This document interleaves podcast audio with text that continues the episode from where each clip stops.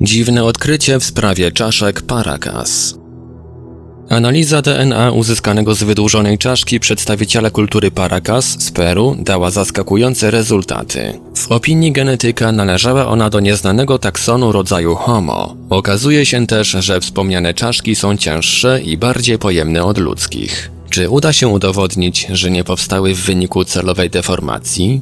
W 1928 roku Julio Tello, nazywany ojcem peruwiańskiej archeologii na półwyspie Caracas w regionie Ica w Peru, odkrył pozostałości kultury istniejącej w okresie między IX a I wiekiem przed naszą erą. Natrafiono m.in. na liczne pochówki, tzw. Tak nekropolię Warikajan oraz dowody na stosowanie zaawansowanych systemów irygacyjnych. Najwięcej uwagi przyciągał jednak wygląd czaszek przedstawicieli kultury Paracas. Były one nienaturalnie wydłużone, co uznano za celową deformację spotykaną też u innych ludów, m.in. Majów, Hunów czy Alanów.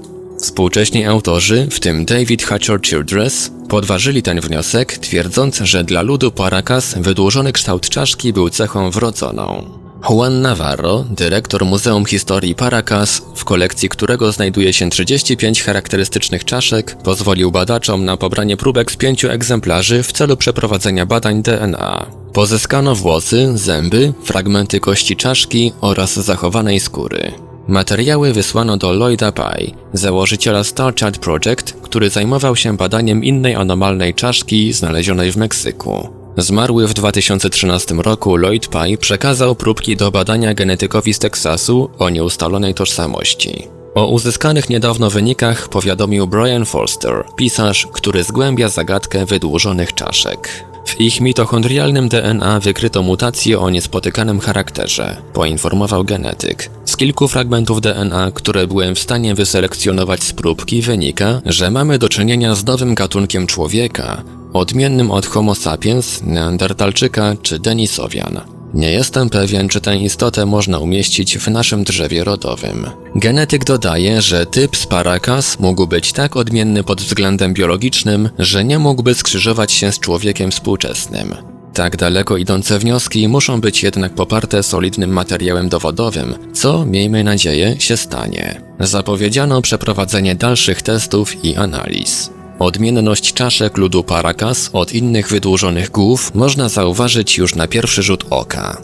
Posiadają one również pewne unikalne cechy anatomiczne. Według badaczy puszki mózgowe peruwiańskiego ludu są o 1 czwartą pojemniejsze od ludzkich, a ich czaszki są o około 60% cięższe.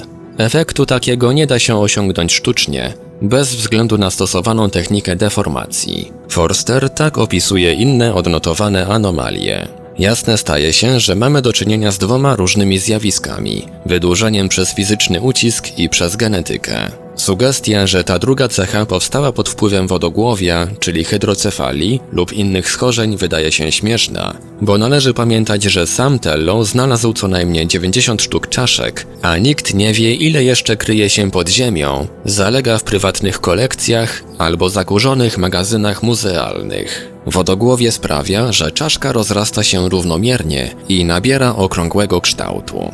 Tello wierzył, że lud Paracas był spokrewniony z twórcami kultury Chavin, budowniczymi megalitycznej struktury Chavin de Huantar. Wniosek ten oparł na podobieństwach w stylu i motywach stosowanych w ceramice. Jednak według mojej wiedzy na terenach zasiedlanych przez kulturę Chavin na północ od Limy w dystrykcie Ancash nie znaleziono żadnych wydłużonych czaszek.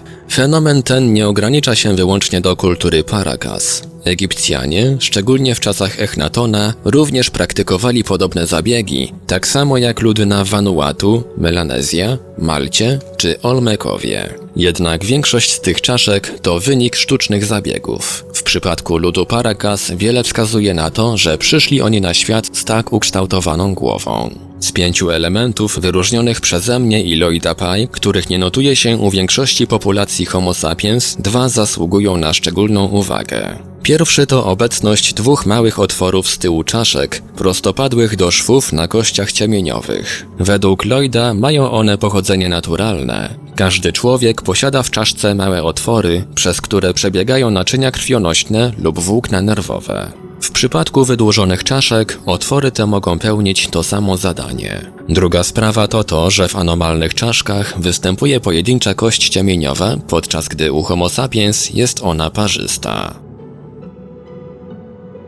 Na podstawie A. Holloway Initial DNA Analysis of Paracas Elongated Skull Released with Incredible Results ancientorigins.net B. Forster Elongated Skulls of Paracas A People and Their World. Grahamhancock.com Tłumaczenie i opracowanie Portal Infra. Www.infra.org.pl Czytał Ivelios